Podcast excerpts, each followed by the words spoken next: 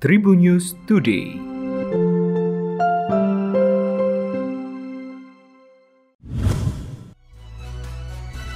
Halo Tribuners, berjumpa kembali dengan saya Delta Gonzales dalam Tribun News Today. Saya akan mengawali informasi hari ini dari kabar nasional.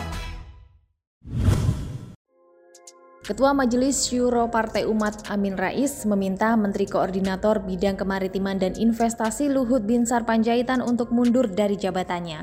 Menurut Amin Rais, bagian besar masyarakat sipil sudah tidak percaya pada Luhut.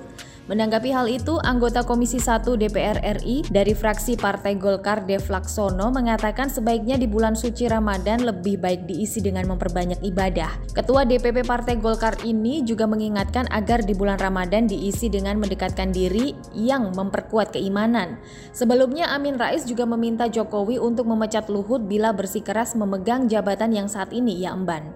Amin menilai Luhut kini bukan lagi aset bangsa tetapi lebih kepada beban nasional. Untuk berita regional, Tribuners, karyawan kebun binatang di Taman Rekreasi Marga Satwa Seruling Mas, Banjarnegara, Jawa Tengah, tewas diterkam harimau benggala pada Minggu 17 April pukul setengah tiga sore waktu Indonesia Barat.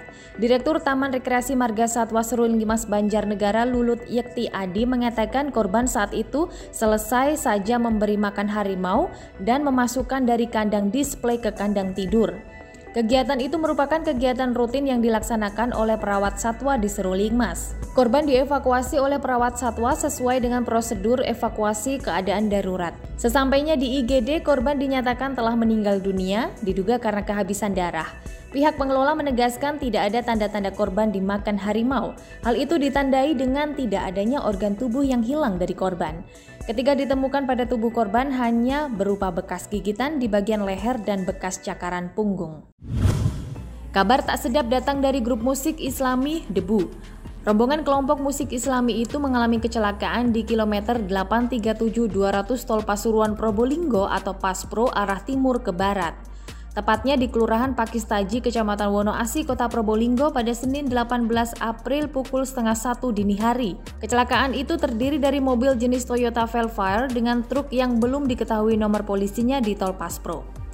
Peristiwa naas itu merenggut dua nyawa penumpang di Toyota Velfire. Dua korban meninggal merupakan warga negara asing asal Malaysia, yakni Firdaus 31 tahun dan Al-Hadad Amal Syekh 30 tahun. Dari kecelakaan yang terjadi, total ada enam orang yang berada di mobil Toyota.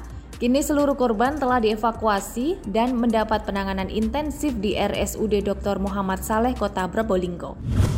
Pelatih timnas U23 Indonesia Sinteyong mengungkapkan amarahnya terkait sikap Ramai Rumakik.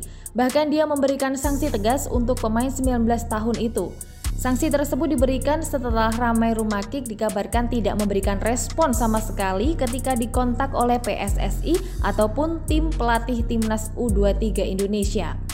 Kini Sintayong memastikan bahwa Ramai Rumakik dicoret dari timnas U23 Indonesia dan tidak akan bergabung di laga SEA Games 2022.